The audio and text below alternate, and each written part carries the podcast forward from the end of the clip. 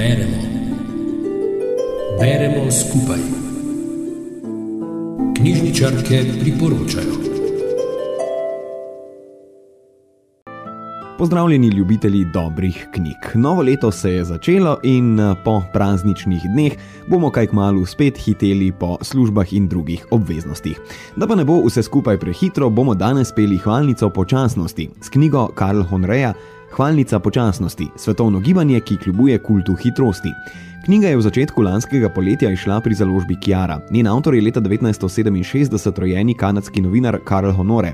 Diplomiral je iz zgodovine in italijanščine in takoj po diplomi odšel v Brazilijo, kjer je delal z otroci iz ulice.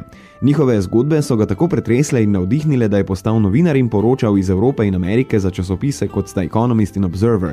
Sedaj dela in živi z družino v Londonu. Omenjena knjiga je išla leta 2004 in doživela pravi boom, ter je šla že v 30 državah. Ideja za knjigo se je avtorju porodila na rimskem letališču ob prebiranju časopisa, kjer je zasledil članek o enominutni pravljici za lahko noč. Različni avtori so klasične pravljice stisnili v eno minuto, da bi na ta način pomagali staršem pri spopadanju s časovno potratnimi pravljicami.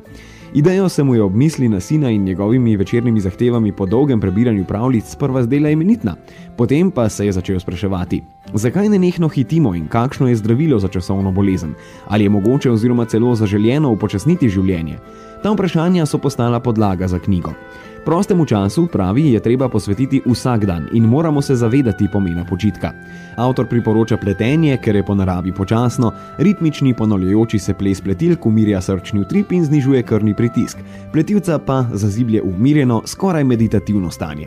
Enako velja tudi za vrtnarjenje, saj v skoraj vseh kulturah vrt velja za zatočišče, prostor za počitek in razmišljanje.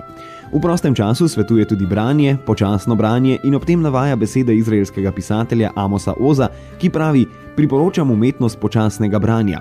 Vsak užitek, ki se ga lahko domislim ali sem ga doživel, je slajši, bolj okusen, če počasi srkaš, če si vzameš čas. Branje ni nobena izjema. Najti moramo, kot pravi avtor v zaključku, svoj tempo, giusto, svoj zmerni tempo. Če nam bo uspelo, pa je odvisno od nas samih, žal, veliko krat tudi ne. Tempo giusto vam priporoča prav vsak dan tudi Tatjana Bertoncel iz knjižnice Ivana Tavčerja Škofja Loka, ki je pripravila današnji prispevek. In seveda tudi mi na valovih Radia Sora, naj tempo v letu 2020 ne bo prehiter. Rubrika Beremo skupaj nastaja v sodelovanju z Radijem Sora.